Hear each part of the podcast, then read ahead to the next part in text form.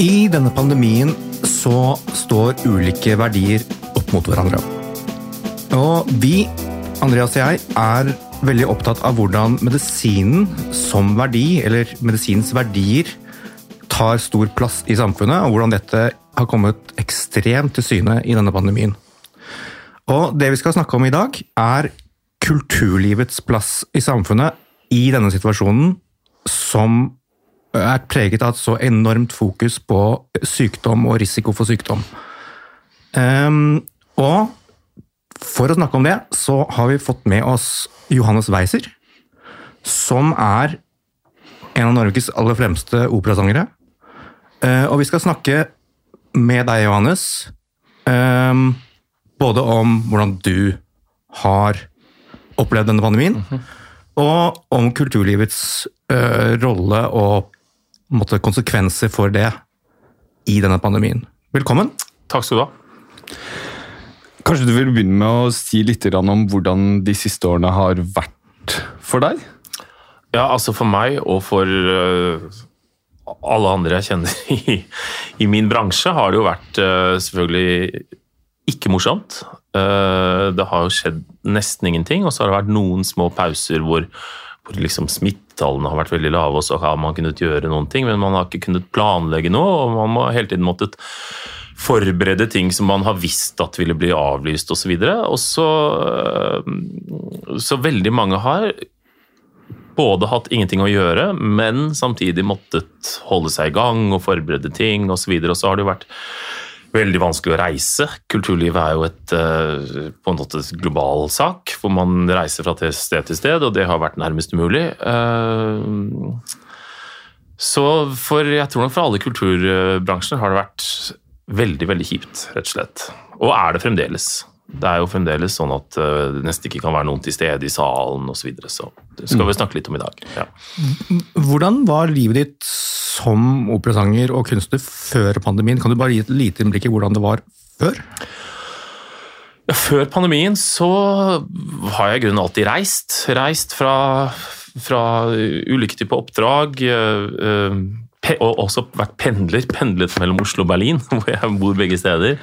Og og egentlig stort sett alltid jobbet og, og vært på farten. Så det tok en brå slutt. Mm. Hvor mange konserter i året, mange reisedøgn i året, hvordan har det vært? Å, du, det har jeg ikke tall på, for det er sånn litt ulike ting. Jeg holder på med en opera, kan jo f.eks. vare i, i, flere måneder er man på ett sted, og så mm. kan man reise en uke til en uh, konsert, eller så mm. kan man være med på en turné hvor man har fem konserter i fem byer på fem dager. Så det er så veldig forskjellige ting. Uh, og litt forskjellig fra år til år, selvfølgelig. Mm. Uh, men stort sett vært i jevn aktivitet, da, vil jeg si. Mm. Men det er en bransje som er på en måte preget av en del kortvarige kontrakter ja. og mye reising. og det, det, er liksom name of the game innenfor ja. Ja. i hvert fall ditt nivå av uh, kunstner. da. Altså Vi som er frilansere, vi som tar oppdrag, vi reiser jo til dem. Sånn er det bare. Mm. Uh, vi som ikke er fast ansatte. Det er kanskje en forskjell på de som er frilansere og jobber på den måten, og har inntekt på den måten, enn de som er fast ansatt et sted? i, i denne ja, ja, absolutt. De som har vært fast ansatte, har jo hatt altså De som sitter i orkestrene osv., de har jo uh, selvfølgelig også hatt det uh, vanskelig, men de har jo hatt uh, ja, de, de, bare det å ha en fast stilling, og så har de jo hatt en del sånne type ting med streaming og sikkert innspillinger og mye sånn forskjellig. Men det har nok vært noen sånn permitter... Altså I Norge har de vært i stor grad forskånet, men ute i verden har jo også folk i faste stillinger blitt, uh, blitt rammet. Men selvfølgelig mindre enn frilanserne. Frilanserne er jo de som, de som, har vært rammet hardest i, i, i kulturlivet, selvfølgelig. Mm. Kan du, kan du liksom huske når, når, når, i starten av pandemien du skjønte at dette kom til å endre veldig mye for deg? Uh, det var Ja, det kan jeg Jeg var faktisk i Jeg hadde en konsert i, i Finland den 13. mars 2020. Mm.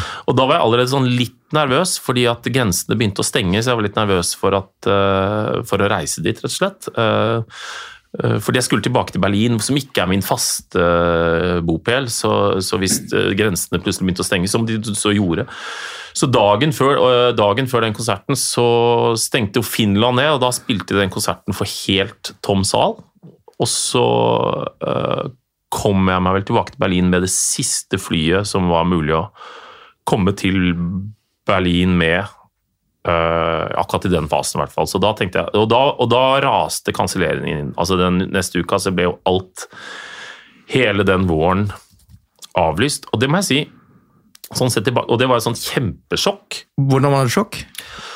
Nei, Det var et sjokk fordi alt plutselig ble avlyst, og samtidig som grensene stengte og hele samfunnet stengte ned, så på en måte Jobben var vekk. Uh, alt jeg holdt på med, var vekk, og samtidig som hele det som, som jeg driver med, som er liksom å reise rundt, uh, forsvant. Og det var jo et sjokk for alle, absolutt alle mennesker at verden stengte ned, men for oss som driver med kultur, så var det også at liksom at, at rett og slett alt vi holdt på med, var forbudt. Det, det, var det vel ingen av oss som hadde tenkt på at kunne skje. Mm. At det var forbudt? Altså, det å, I Tyskland, for eksempel, hvor jeg var, så ble det jo forbudt å synge. Ja. Eh, også hjemme. Også hjemme? Mer enn én person. Så å synge duett var jo forbudt. Ja. på et tidspunkt. Det var jo masse sånne rare regler som ja, de fant nettopp. på, og som har kommet og gått under ja. hele pandemien. Hva som er forbudt, og å, synge sammen var rett og slett forbudt. Ja, for Det slår meg når du snakker nå at vi har jo på et eller annet vis er det sånn, nærmest sånn unikt tidsvitne over denne tiden. Fordi at du er så reisende.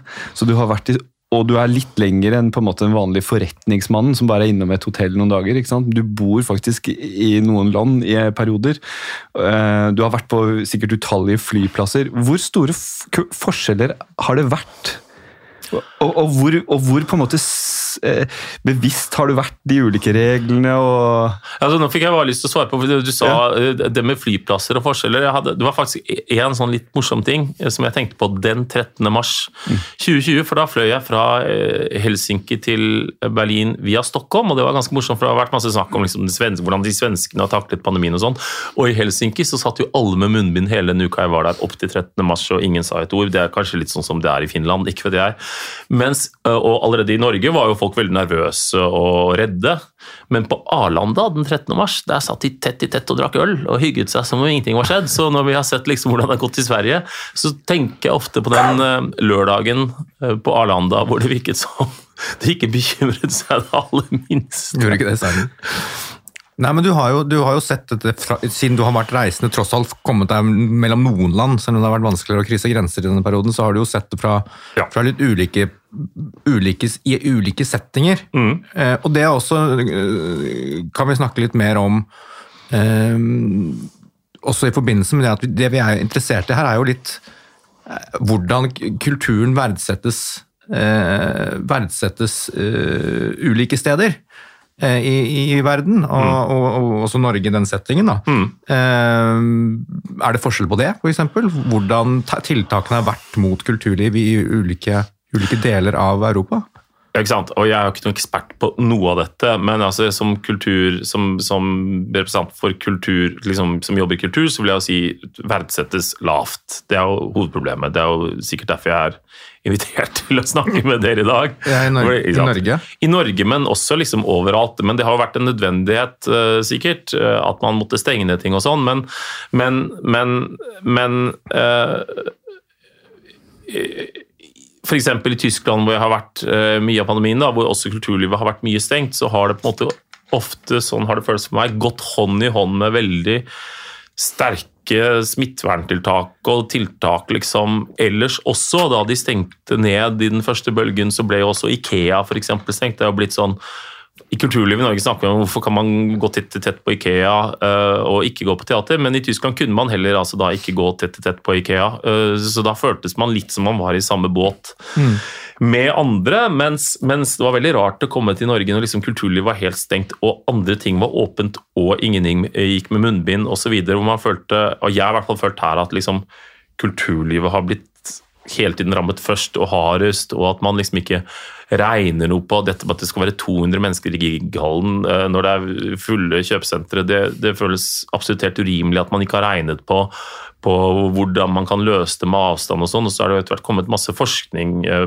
på at det er veldig lite smitte i, i teatersalene. Det er ikke der folk er blitt smittet mest. Nå er det sikkert annerledes med omikron osv., men i hele den pandemien frem til omikron. da, Og at man da ikke kunne f.eks. ha munnbind i teatersalene som et smitteverntiltak for å gjøre at man kunne ha flere inne. Det, det, det, det har man jo gjort liksom alle andre steder. Og så er det jo, når du spør om liksom andre land eh, Jeg har ikke uh, sunget i Spania under pandemien. Jeg vet at Der stengte de jo ikke kulturlivet. Der har de jo spilt uh, forestillinger gjennom alle bølgene, til tross for at de har hatt skyhøye smittetall osv. Og så uh, har det sikkert vært stengt på ulike tidspunkter overalt, men mitt inntrykk er at det har jo vært veldig mye mer stengt her da, i forhold til smittetrykk.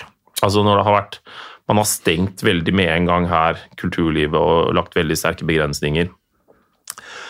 Uh, uh, når man har kanskje hatt lavere smittetrykk enn andre steder som da ennå ikke har stengt. Uh, stengt først her, liksom. Um, gjør, gjør det at, at, kulturlivet og det måte, kunstnere og artister osv. gjør eh, blir stengt ned eh, hele tiden, og først på en måte gjør det at, at, det de, at, at de opplever at det de gjør, er mindre verd? Absolutt. Det at vi liksom hele tiden stenges først og tidlig, og ikke nødvendigvis fordi det er farlig å gå på kultur, men fordi man vil at folk ikke skal gjøre noe i det hele tatt, det gjør at man føler at det vi gjør, ikke liksom har en egenverdi som blir verdsatt høyt. og Det vises jo liksom litt også ved at liksom når man ser disse pressekonferansene og oppsummeringene etterpå, så er det liksom hva er de nye tiltakene, og da kommer liksom kultur neder sammen med liksom grendehus og fritidsaktivitet og forsamlinger. Altså at kulturliv er bare en forsamling eller en fritidsaktivitet, eller det er ikke en, liksom en en viktig verdi i samfunnet uh, lenger, får man inntrykk av når man, når man ser på disse pressekonferansene og hvordan disse tiltakene blir presentert og hvordan man begrunner dem. Mens man liksom før pandemien alltid har snakket om kultur som noe viktig, uh, så føler jeg at det er helt forsvunnet. Uh, og det at man liksom kan erstatte kultur med kompensasjonsordninger til kulturlivet er også en helt sånn på en måte litt absurd idé. At uh, så lenge så lenge man liksom holder liv i, i den grad man gjør det, da, i de som holder på med det, så er det ikke noe farlig at det forsvinner i, i flere år. Um, jeg har sagt med venner meg forleden dag som har barn i alderen sånn, jeg tror det er sånn 12-15 17 og 21 eller noe sånt, som fortalte at alle de barna hadde vært storforbrukere av kultur før pandemien og alltid villet gå på ting og sånn, og nå ikke etterspør de i det hele tatt. Jeg tror det er veldig lett å, dessverre, veldig lett å vende folk av med å være opptatt av å gå på kulturarrangementer. Det er, et, liten, det er et felt som jeg er redd for at det er sånn at uh, etterspørselen um, kommer litt av tilbudet. Det er lett å rive ned, og det er veldig vanskelig å bygge opp. Eh, så det at man nå både gis et, gis et inntrykk at det, at det er liksom noe av det farligste man kan gjøre, selv om det ikke er det, selv om det har vært veldig lite smitte på de arrangementene, men òg at det ikke liksom ses som en viktig verdi, da, eh, kan gjøre, gjøre, det veldig vanskelig i tiden etter pandemien. Jeg tenker, En ting er på en måte det tilbudet som, som, oppstår i tiden etter pandemien, men etterveksten også av yngre kunstnere f.eks. Det å kunne gå inn i en bransje med den, den, så stor grad av usikkerhet. Jeg vet ikke hvordan du ville tenkt det hvis du hadde skulle etablere deg nå? Jeg tør ikke engang tenke på det. Jeg, tør, jeg mener, se for deg å Jeg vet ikke, nå tar jeg det ut av løsluften, men tenk, å, tenk å bli uteksaminert fra liksom, Teaterhøgskolen i, i juni 2020 eller, eller, eller, et eller annet sånt. Altså eh, å gå inn i en bransje som, hvor liksom volumaktiviteten er så radikalt rasert. Eh, og man ser jo også det at, at volumet i Altså i aktivitetsnivået, også i de såkalte pandemipausene hvor det har vært få tiltak, eh, er jo også veldig, veldig, veldig mye lavere. Eh, så, så for, for for det du spør om, så er det absolutt noe å bekymre seg veldig for. Hva er bevisstheten i bransjen rundt konsekvensen av dette? Jeg tror folk blir mer og mer uh, fortvilte nå enn de var i begynnelsen. Ja, I begynnelsen så var det dette med at hele verden stengte ned, og det var en sånn unik og veldig dramatisk situasjon som, hvor vi alle liksom var med i en dugnad osv. Og, så og, og så var det i første omgang liksom kampen for å få eventuelt noen kompensasjonsordninger, og så har man liksom eh, vært glad for hver gang man kan åpne opp og spille litt igjen osv. Nå begynner folk å bli veldig, veldig lei av at man fremdeles ikke liksom f.eks. vil se på den reelle faren ved å sånn og sånn i teater og Men, men jeg for min del har jeg nesten helt fra begynnelsen tenkt at uh, Vært mer nesten nervøs for hvordan det blir etterpå, enn, enn hvordan det er akkurat i denne kritiske fasen. Det er jo Jeg har i hvert fall selv en opplevelse, dette har jeg ikke noe sånn empiri på eller vet så veldig mye sånn veldig presist om, men mitt inntrykk av f.eks. finanskrisen i 2008-2009, da, da, ble det veldig sånn nedgang i, i, for kulturlivet, fordi veldig mange institusjoner mistet sponsorer osv. Og, så og, og, og volumet har jeg inntrykk av at liksom kom, har ikke kommet seg opp på det nivået som, i hvert fall i min bransje, på det nivået som var før. Så mitt inntrykk er at liksom, kulturlivet kommer seg ikke så lett etter kriser. Det tar veldig lang tid å bygge opp.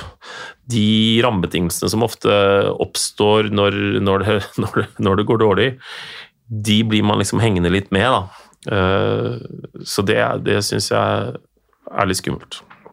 Mm.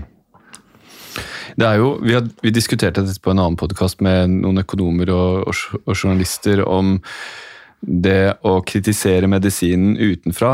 Altså tørre å si noe om at uh, hør her, vi i kulturlivet har også vår plass i et samfunn. Eller idrett eller uh, finans, eller uansett hvilken sektor av samfunns, samfunnslivet man måtte uh, se på, da, så er det noe med at du står mot på en måte medisinen. da, Om å kunne si noe om smittevern, om å kunne si, uttale kanskje noe om dødelighet, forholdsmessighet i sykelighet og en del sånne harde endepunkter, som vi kaller det i medisin. da.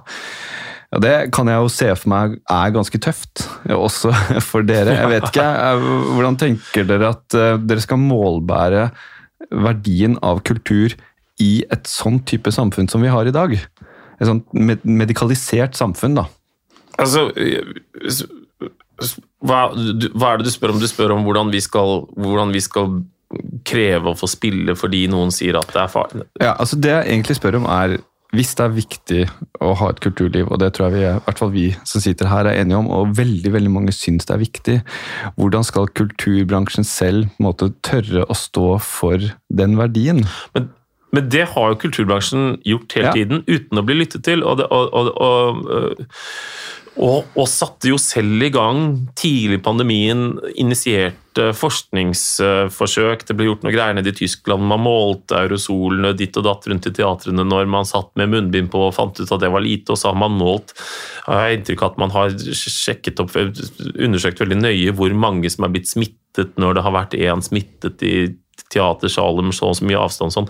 Og så har det vært veldig lite. Det har vært veldig lite smitte, så det føles fall for meg som de tiltakene mot kultur de har ikke med det som skjer inne i salen å gjøre, men det har med dette som de snakker om mobiliteten i samfunnet. og Da, har man, da er man jo bare blitt prioritert ned. Eh, det har vært helt absurd å sitte på Den norske opera med med, med 50 publikummere. ikke sant? Mm. Det, det, er en sal som tar 1400, og det er 10 meter i taket, eller hva det er for noe. Det, det, det er helt åpenbart ikke Det kan ikke ha med Nei. Med smittevern, i hvert fall ikke forhold til hva man tillater andre steder. Ja, jeg lurer jo De som lager, smitte, som lager smitteverntiltakene, som, som, definerer dem og har mye definisjonsmakt i denne, denne sammenhengen her jeg tenker jo, en, en, ting er jo at jeg tenker at det er ikke sikkert at de de, er jo, de som sitter i Helsedirektoratet, f.eks., de, de sitter jo der fordi de først og fremst er veldig opptatt av helse.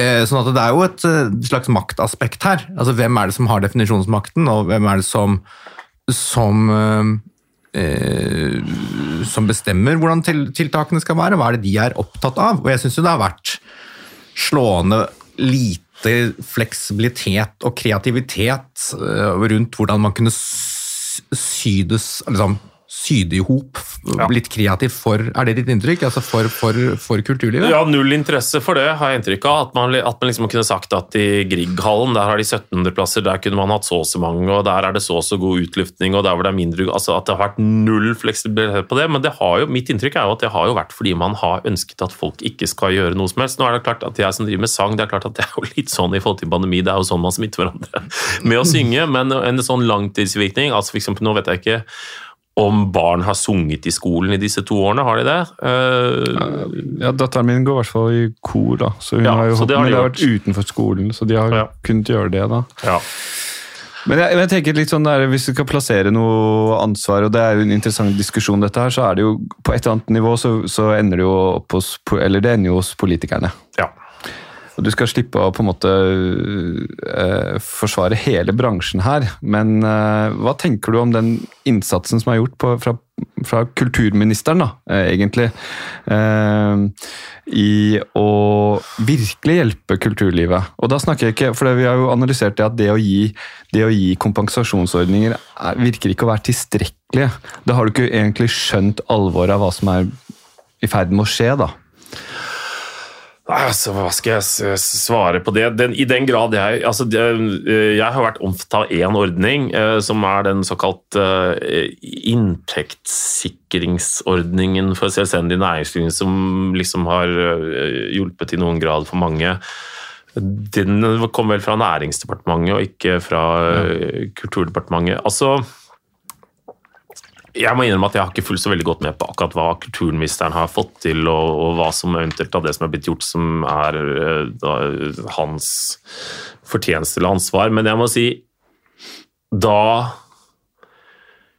kulturlivet stengte ned og Abid Raja sto og fjollet på scenen om det, da ble jeg ganske sur. Ja, forståelig. Han virket som han overhodet ikke tok noe på alvor at, det en, at, at, dette var yrkesmennesker, og at dette var folks jobber, og dette var liksom et, et alvorlig felt. Han sto og, og, fjollet og danset på scenen med noen sånn tersoversløyfe. over sløyfe. Det var eh, utrolig pussig syn. Mm. Altså jeg, som, som, som, som, lege, da. Jeg, jeg, og som kanskje kan se dette litt innenfor og uttale meg litt innenfra. Eh, jeg forstår jo ikke helt etter hvert eh, at folk i andre bransjer eh, på en måte finner seg i at så mye skal defineres av folk som er innenfor helse, liksom. Eh, altså, den, den, delen av samfunnet har fått en helt ekstrem definisjonsmakt, og det blir tydeligere og tydeligere for meg. Og jeg mener også at liksom, helseministeren er også altfor stor interessekonflikt til at vi kan liksom overlate så mye til eh, han, eh, altså Høie først, og så og Kjerkol nå, da, eh, hun.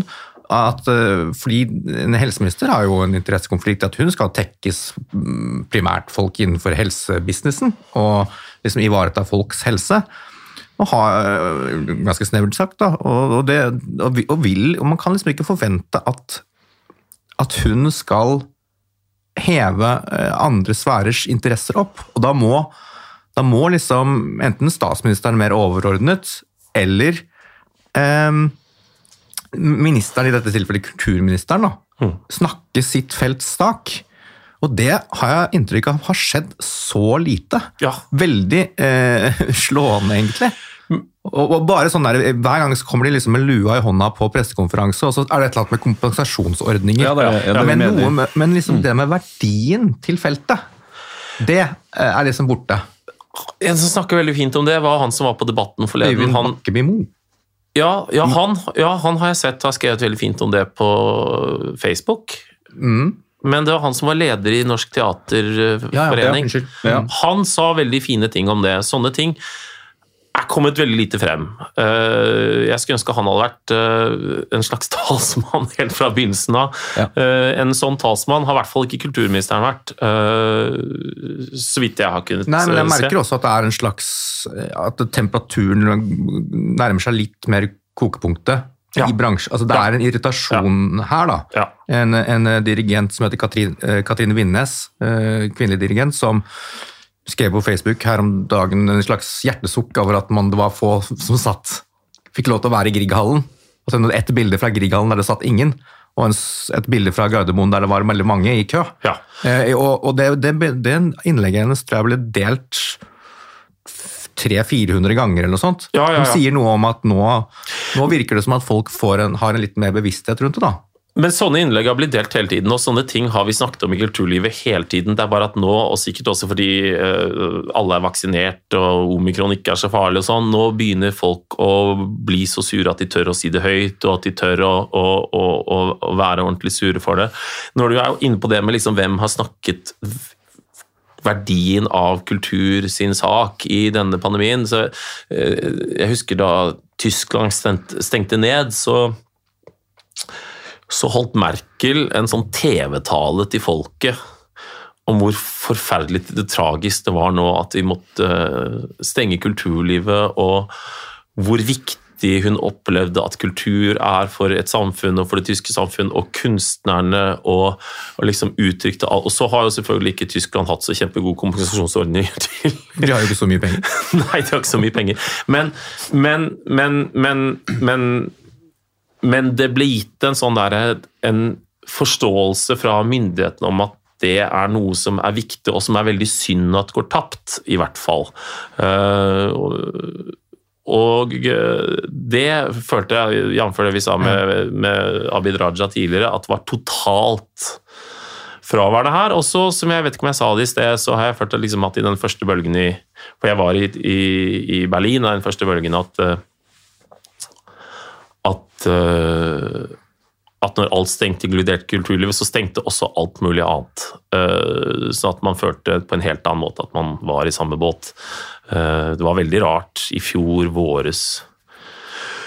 Da vi hadde prøve på operaen på en forestilling som, som ikke da kunne spilles, men ble streamet isteden, og samtidig så var det ikke et munnbind å se noe sted. Å gå rundt i gatene føltes som at liksom pandemien ikke var ikke var så veldig stor her. og Samtidig så kunne man ikke ha en eneste publikummer inne i salen, og det var kjemperart. fordi overalt ellers hvor vi har vært, så har pandemien vært veldig synlig i gatebildet hele tiden, og da er det lettere å forstå at man heller ikke liksom kan spille så mye uh, konserter og, og, arrangementer. Så det har vært en sånn Føltes som en sånn mismatch her, egentlig. Mm. Mm.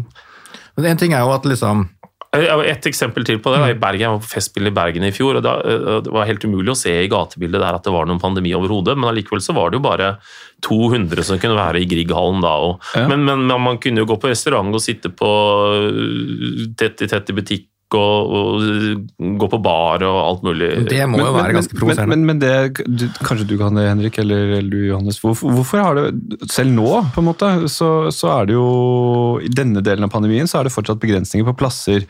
og 200 er jo et sånt tall som går igjen. Er det på, i konserthuset eller på Nationaltheatret? Ja, og Fornebu Arena. Og Fornebu, Fornebu Arena, de tre sammen. Ok, det er 200. Ja. Så smittevernmyndighetene har jo, altså Politikerne har jo innrømmet måte, at det de ser også at det er feil, og, og, sier at de skal gjøre om på det så fort som mulig og sånt. Ja, hvor, hvor, fort er det? Altså, ja, jeg vet ikke. Hvor lang, nettopp, men, hvor lang tid skal men, det ta? Altså, men ja for, Det gjenstår å se, men det, men, men det, men det øh, jeg tenker, er jo at hvis det hadde vært et annet felt, så hadde de brukt den, prioritert det. Og, og øh, altså Hvis det hadde vært, handlet om helse, et eller annet innenfor helse Noen spissfindige smitteverntiltak rundt forbi, så, så, så ville man jo uh, prioritert det.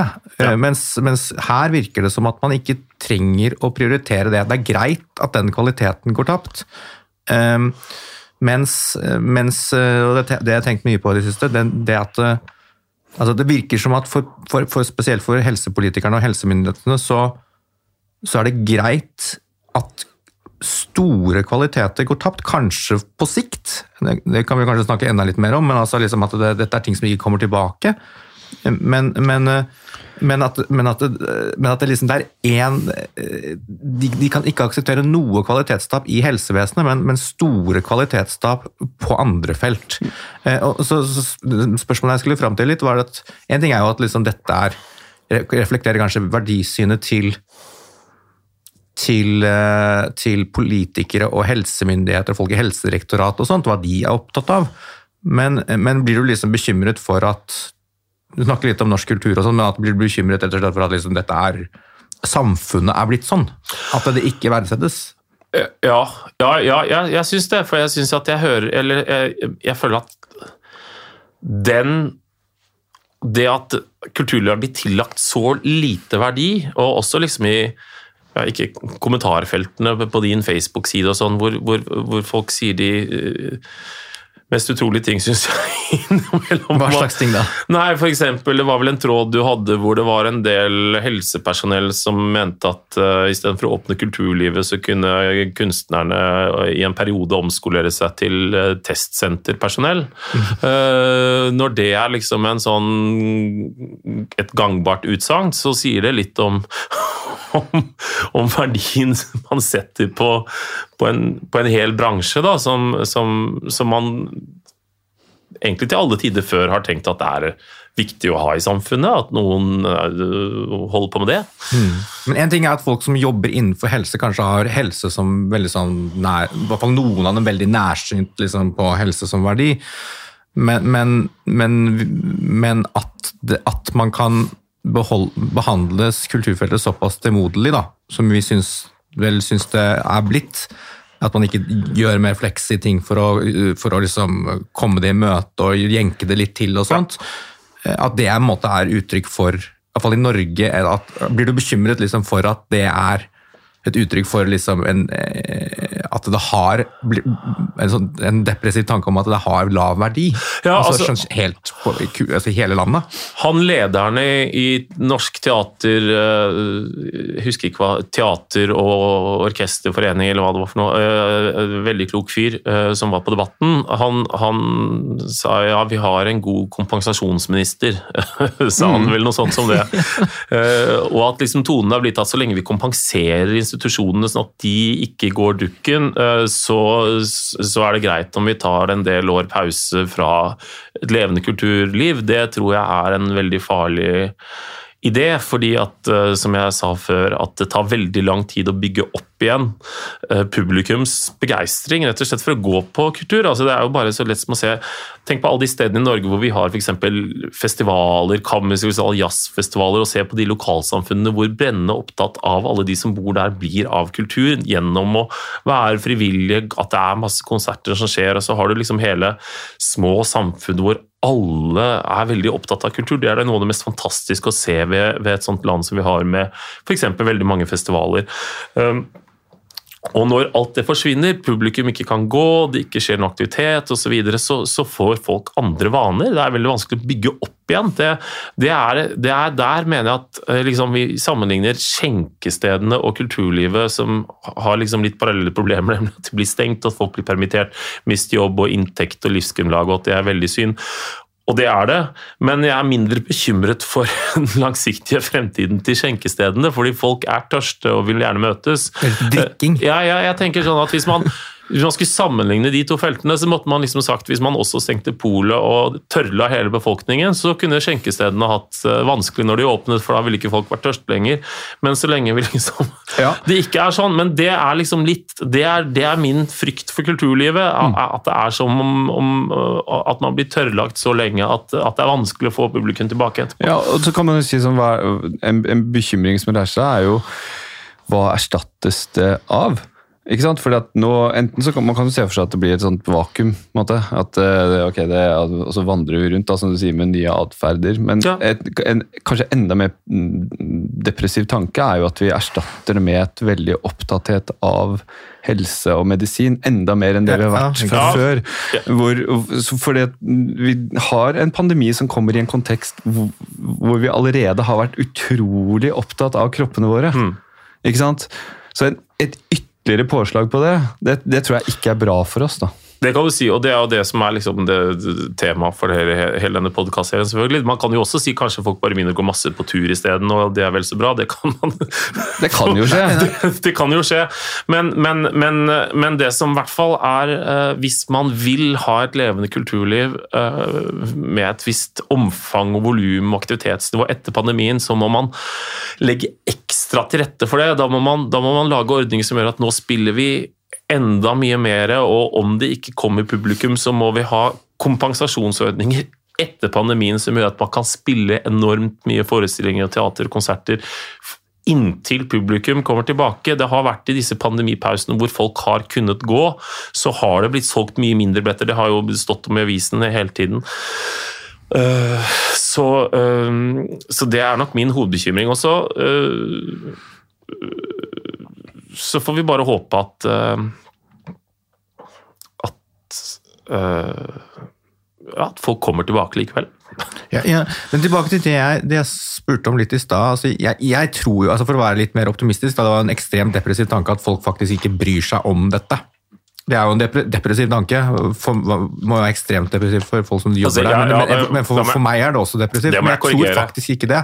Jeg tror faktisk at, at, at kulturliv eller kultur, eh, det, alt det som ligger bak det, liksom det, det der enkle begrepet, er utrolig viktig for folk, og er en viktig verdi for folk. Men jeg tror samtidig det er mulig å miste eh, det uten å være seg så veldig bevisst. Da. Ja, og det er viktig hvis jeg, hvis jeg, nå, hvis jeg, hvis jeg nå, lød som jeg tror at folk ikke bryr seg om kultur, og at, at folk flest syns det er greit at det forsvinner. Det var ikke det jeg mente å si, Nei. men jeg mente å si at det er avhengig av at det er tilgjengelig, at vanene endres veldig fort. og det er veldig, Jeg merket jo selv da jeg, mistet, uh, da jeg mistet alt det jeg skulle gjøre, og bare satt hjemme og det var lockdown. Jeg gledet meg jo ekstra mye til å kunne gå og ta en øl fra fat, min nesten like mye som til å kunne, kunne gå tilbake på jobb, liksom. Så det, er, det, er, det, det, skal ikke så mye til før man venner seg av med å gjøre sånne ting. og det det er en bekymring. Men det er, ikke, men det er jo ikke helt utenkelig Henrik, at vi for kommer i en sånn situasjon, sånn som oss, da, som ikke sant, småbarnsforeldre.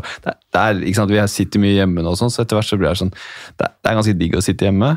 Vi har liksom TV-en vår og glass vin og sånn, og etter hvert så blir det et tiltak å gå ut i seg selv. ikke sant?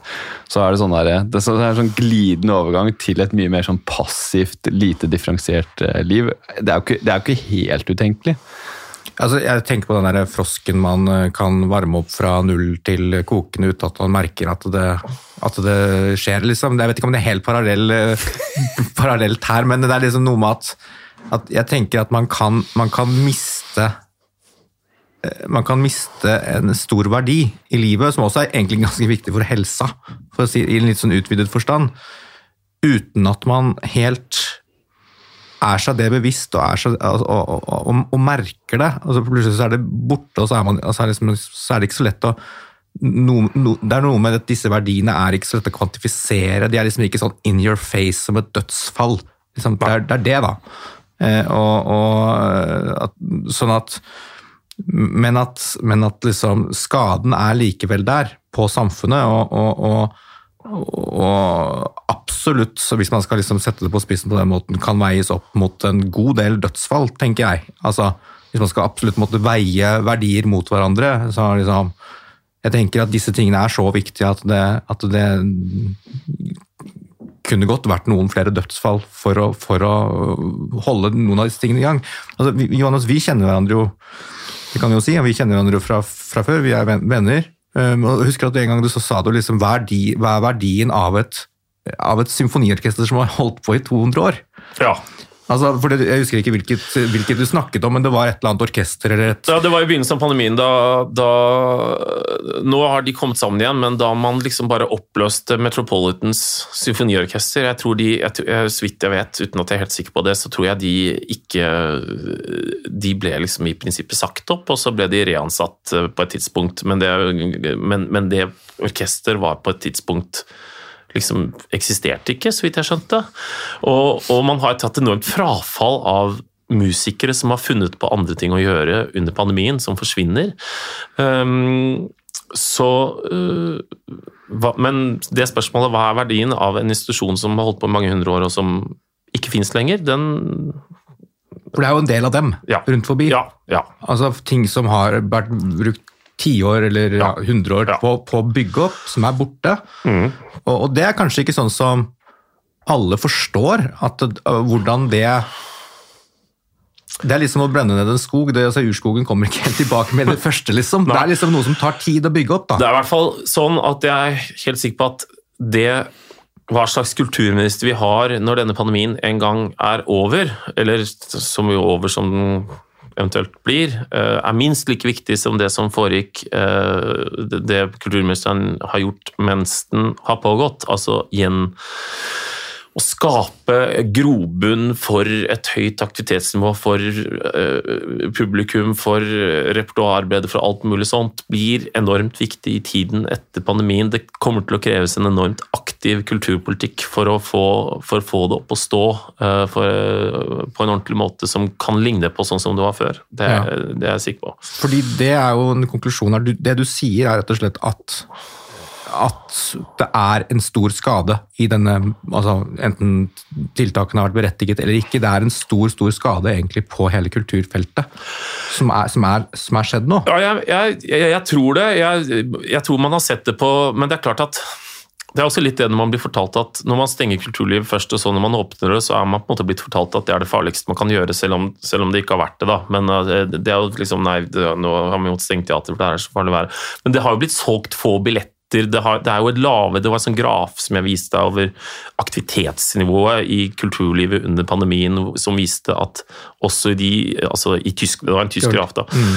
Også i de månedene hvor det har vært åpent, så har aktivitetsnivået vært mye mye lavere. og jeg, Det var sånn, var, det var vel i september eller sånn, uh, hvor jeg var i Berlin, og da var det ikke noe særlig restriksjoner. Da, var, da spilte de med, selvfølgelig med munnbind og sånn, altså publikum hvor det var noen sånne vanvittige verdensstjerner som hadde uh, konserter og forestillinger som jeg var for moro slik inn og se hvor, liksom, hvor går det an å få billett til det. For i, før pandemien så, det, så, er det en viss type arrangementer som er så populære i en, by som, en kulturby som Berlin f.eks. at det er nesten helt umulig å få billett. Og så kunne jeg gå inn en halvtime før, og så er det masse ledige billetter. Uh, det, det bekymrer, uh, selvfølgelig. Det det, det, tror jeg ikke man får opp i en sånn i en håndvending. Det, det kreves det arbeid til mm. på politisk nivå for å legge til rette for at vi får tilbake. Det er jo det som kommer etter hvert. Og så er jo vi er jo praktikere også, så det jo, kunne vært interessant å bare snakke om noen ting som man kan gjøre akkurat her og nå. Eh, og et av de kanskje viktige tingene blir å ta opp dette 200-tallet. Ja, herregud. og, og, gi en sånn og, uh, kanskje ja, rett og slett få en kritikk av det, da, og spørre om man kan løse dette på en bedre måte. Du fortalte at det finnes studier, har jo vært gjort studier fra teater lettere Ja, da ble det gjort noen studier på altså det, det, ene er jo at man har målt at det ikke er blitt så mange smittet på, på disse i teatersalene osv., men det andre er jo at de laget sånne studier at hvor mye aerosoler altså hvor mye smittet ble du hvis du satt i en konsertsal med så og så mye avstand med maske på. Det var sånne studier gjorde i Tyskland som viste at det var lite, at det var et av de trygge ting man kan gjøre likevel, så, så blir det sånn stengt. Men gjelder de, de 200 nå, så, så, virker det bare helt ulogisk uh, at man ikke differensierer. Men også når, når, at alt dette skjer mens liksom Raymond Johansen sier, at nå er det kanskje like greit at vi blir smittet alle sammen av omikron, og alle skal, og alle skal bli smittet. Nå er det bare liksom bare nå er det bare liksom sånn takten vi blir smittet i, og at man da ikke kan liksom gi en boost til det feltet som har ligget mest nede, og som krever på en måte mest hjelp som krever mest liksom, hjelp for å komme i gang. At liksom ikke da kan vi si ok, nå skal vi alle smittes, øh, men ikke alle samtidig. Men da kan man kanskje prioritere kulturlivet høyere, syns jeg, som et minimum. Kunne du være, kunne du være enig i det? Ja, ja. Bare for å slenge tilbake der, Nå sier vi kanskje at det, liksom, det er noen som har levd Aftenposten i det siste. Da var det en sak nå som handlet om at ja, men kulturlivet de har jo fått så mye de har fått så mye stønader, kompensasjonsordninger, at de har gått med overskudd. Og kunnet holde masse konserter for få mennesker og sånt.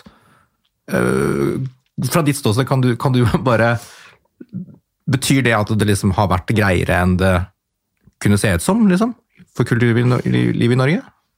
Jeg har ikke opplevd det som så veldig greit. Eh, det er klart at man har og, her er det sånne nøkler, og jeg er ikke noen ekspert på byråkrati. og jeg, jeg, driver jo bare for meg selv. Eh, jeg vet at eh, det, det, er færre ting som har foregått, og mer har vært avlyst enn ikke avlyst. Og uh, blir det avlyst, så får man i liten grad betalt. Uh, Men at store institusjoner, at det finnes noen sånne greier som at man har kunnet spille konserter likevel for færre publikum og bli kompensert. Men det, jeg tror ikke det gjelder alle. Det er noen sånne nøkler for hvor mye statsstøtte man, F.eks. man er en fri gruppe, hvor mye Det er noen sånne nøkler for hvor mye av budsjettet som er statsstøtte som gjør om du får sånn og sånn kompensasjon. Så er det selvfølgelig noen sånne artister som både er artister og arrangører og har kunnet liksom arrangere en turné, og så avlyst den og så blitt kompensert og sånn. Det det er jo ulik situasjon for alle, men å si at det har vært så greit at det nesten var en fordel for kulturlivet med pandemi. Det, ja, det rekordoverskudd sto det liksom. Rekordoverskudd. Ja, men det er jo det vi har identifisert nå, at det er jo ikke, det er, det kan, kultur kan jo ikke kollapse inn i et spørsmål om kompensasjon. Nei, det er det viktigste, tenker jeg. Det er det viktigste her. ikke sant? Det er det, det, det, er det som er det sentrale. at Du løser ikke kunstnerne eller kulturfeltets problemer ved å kompensere det. Ja, altså det, er viktig at det gjøres, men det er, er å misse poenget.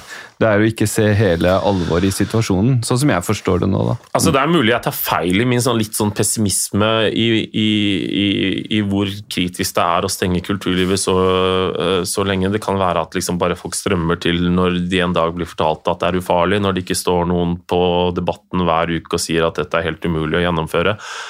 Men jeg tror at det får vi se når, når, når den tid kommer, om, om, det kommer like mange abonnenter og faste konsertgjengere og folk som gjør det som en del av sin rutine å gå på ting, eller om det vil ta tid å få i gang. Eh, jeg håper jo på det første, selvfølgelig. Jeg tror kanskje at det er litt risiko for at det har blitt litt mer sånn generelt innadvendt samfunn. Vi har liksom lært oss å Fint er at vi har lært oss å bruke liksom eh, kolonial.no eller Oda til å ta matvarer hjem til oss fra, via nett, liksom. Men at hele ja. samfunnet er blitt litt sånn sofasittende. Vente seg til litt med Netflix enda mer, liksom. Eh, ja, eller kanskje å gå masse tur. Det er sikkert veldig bra. Hvilken du liker så godt. Ja, jeg elsker gå tur. Ja, ja. Men jeg vil gjerne at de som går tur, også går på konsert. Men eh, over til en litt annen ting. Eh, du har jo også altså, Det er jo ikke bare det at du er, um, at du er kunstner og operasanger. Du er jo også en, som vi snakket om litt tidligere, du er jo en reisende. Ja. Uh, og de som krysser grenser, liksom, de som har lagt opp sitt liv til å uh, gjøre det, de er jo også en gruppe som har vært en av de som har stilt svakest, eller? Absolutt. Og det er, det er, jeg tenkte på det mens du snakket om kultur her nå. fordi at uh, fordi at uh, Det er kultur jeg holder på med, og det er det som er liksom viktig at man kommer og snakker om. Men egentlig så har jeg vel nesten i pandemien følt at liksom, pandemien har vært nesten enda mer et angrep på min liksom, identitet som reisende menneske enn som yrkesmenneske. For på, på en måte så kan man jo si liksom at man kunne sagt, liksom, eh, og det er selvfølgelig feil, at en kjære kom en pause eller gjør noe annet i livet. Liksom alt mulig, for de som viser, altså Det er selvfølgelig blodig alvor å miste jobben, så det er ikke det. Men, men akkurat det at liksom sånn Min jobb har alltid vært å reise, og derfor så det at man liksom ikke kunne reise noe sted, og at man liksom ble møtt med så utrolig mye av det som opplevdes som sjikane, særlig på den norske grensen. og den ene, Særlig på den norske grensen? Kun på den norske grensen. Jeg, jeg har, tror, har du noen eksempler? Ja, altså jeg har jo vært veldig mange steder i Europa under alle lockdownene og aldri blitt møtt på en så sjikanøs måte som på den norske grensen, eh, med dette med at liksom sånn ankommer flest land, og så stå tett i tett i tett i tett i kø i mange timer og bli, bli sånn skyflet av grensevakter, og så sitte og bli ropt opp individuelt, og så måtte gå liksom sånn kanossegang til et menneske som da roper opp testresultatet ditt. Altså, Jeg har jo ikke vært på noe annet sted i verden hvor hvor sånne ting har skjedd. Så det å liksom Ikke bare det har det vært liksom det at det har vært vanskelig å reise og jobbe, men også at det å komme til Norge og reise ut og i det, i det, Da det var liksom litt åpent i Europa og jeg hadde noen jobber som ikke var i Norge, da kunne jeg jo ikke komme tilbake pga. at det var liksom disse karantenehotellene og disse dokumentene som man måtte ha. Så, eh, så jeg har liksom lest alle disse Det har vært mye i avisen om disse grensependlerne som har vært helt fortvilte, og som har liksom og når jeg leser det, så blir jeg full av sympati, mens, mens jeg liksom sitter på middagsselskap med venner i Oslo, så syns jeg at det er liksom noe sånn helt En sånn liten sånn pussighet som ikke er relevant. Men det er jo veldig, veldig altså det er jo sånn at Jeg tror det er noe sånn som minst 5% av alle som bor i Schengen, er fra et annet Schengen-land. Det er mange mennesker og deres familier, og, og, og som en som før pandemien pendlet mellom to land, så har jeg ganske mye sympati med alle dem det gjelder. Mm, vi, har, vi, har, jo tatt, eh, hatt en tidligere episode av denne podkasten med filosof Einar Øvrenge, der vi på en måte snakket litt om hvordan eventuelt denne pandemien kan ta oss litt i glidning mot totalitære tendenser. Ja. Og jeg tenker vel kanskje dette eh, Det var ikke noe vi var så veldig mye inne på da, men det, dette er også et felt der vi kan kanskje se litt etter det. Absolutt. Er det noen sånne når syns du vi har toucha mest innpå det, liksom, i denne sammenhengen? Nei, igjen så blir det sånn emosjonelt. Det blir jo bare mine egne opplevelser. Men jeg husker jeg kom til Jeg holdt meg jo helt vekk, fordi at det var helt umulig å reise uten, uten å liksom å gå gjennom flere hindre enn det jeg orket å holde på med. Men, men i januar i fjor så kom jeg hit, for jeg hadde noen konserter på operaen og litt forskjellig og måtte bli en periode. Og, og, det var enormt vanskelig å komme hit og unngå karantenehotell, og det var utrolig mye mistenksomhet. Og samtidig så liksom leste jeg avisen fordi politiet har sånne Twitter-meldinger. At de tvitret at nå hadde de funnet så og så mange prostituerte som var smittefarlige, og som de hadde internert på Trandum for utsendelse. Eh, og sånne ting som, som liksom kunne stå som sånne små notiser i avisen. Som jeg, som jeg liksom ble sånn Hvorfor er det bare jeg som syns at dette er veldig rart? Eller det var selvfølgelig andre, men hvorfor, hvorfor var det så uh, sånn, sånn sett i ettertid så var det ganske mye sånn språk rundt alt dette med importsmitte mm. og liksom eksterne farer som man måtte verne, verne oss mot, da, som, som, hadde et språk som jeg syns var så brutalt, at, uh, som jeg heller ikke syns ligner så mye på sånn som jeg opplevde andre steder. Men det er sånn også dem-språk, da.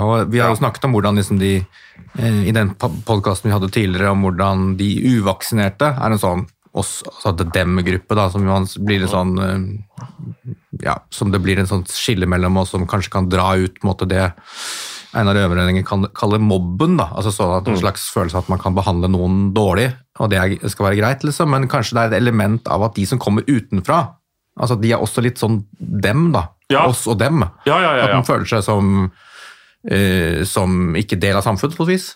Ja, ja absolutt. Og, og, og, i den fasen hvor det var veldig veldig, veldig mye fokus på det, da husker jeg det var at Raymond Johansen snakket jo bare om Det var importsmitte som han snakket om hele tiden, hele dagen lang, også mens vi hadde høyere smittetrykk her enn andre steder. Men da det spredte seg ut i landet, da, da snakket han om hvordan importsmitten ble eksportert videre inn i landet. Det var liksom ingen mulighet til å snakke om smitte uten å bruke ordet mm. importsmitte. Og for alle dem som var avhengig av å reise, og som kanskje fulgte alle regler og, og ikke utgjorde noen større fare enn andre, for dem var det nok eh, ganske belastende, tror jeg. Mm. Er det noen smitteverntiltak eller forslag til smitteverntiltak som har kommet fra politisk hold som, som, som, som du spesielt har reagert på i denne sammenhengen? For meg, må jeg si, altså, som var avhengig av å komme hit frem og tilbake og reise ut så husker jeg det var på et tidspunkt i fjor hvor, hvor det var noe med at karantenehotellene liksom var fulle. Så det var en ordfører oppe på Hamar eller noe sånt som hadde et problem. De syntes det var vanskelig. Og Hun gikk da ut i NRK og mente nå måtte vi se på hvem vi tillater å forlate landet. Altså et liksom forslag om å utrede om man kunne forby nordmenn å reise ut av Norge. Det syns jeg Da syns jeg da, da, da, igjen var også en sånn situasjon jeg lurer på er det, er det syns alle at dette er helt vanlig. For det var sånne, sånne, saker som hele tiden dukket opp i NRK uten at det kom noen sånne helt åpenbare motspørsmål til hallo, forby folk å forlate landet. Det, det, var jo ingen land, andre land i Europa, eller Australia kanskje, men i Europa så var det jo ingen som holdt på med sånn. Og Raymond Johansen var også inne på det på et tidspunkt. Vi må se litt mer på hvem som, hvordan, om folk, om, hvordan folk Hvem som skal få lov å om man, om man kanskje må ha en god grunn til å forlate landet. Det at man liksom skal kunne lovregulere sånn, er for en sånn som meg eh, Da vet jeg ikke helt hvor jeg skal gjøre av meg. Det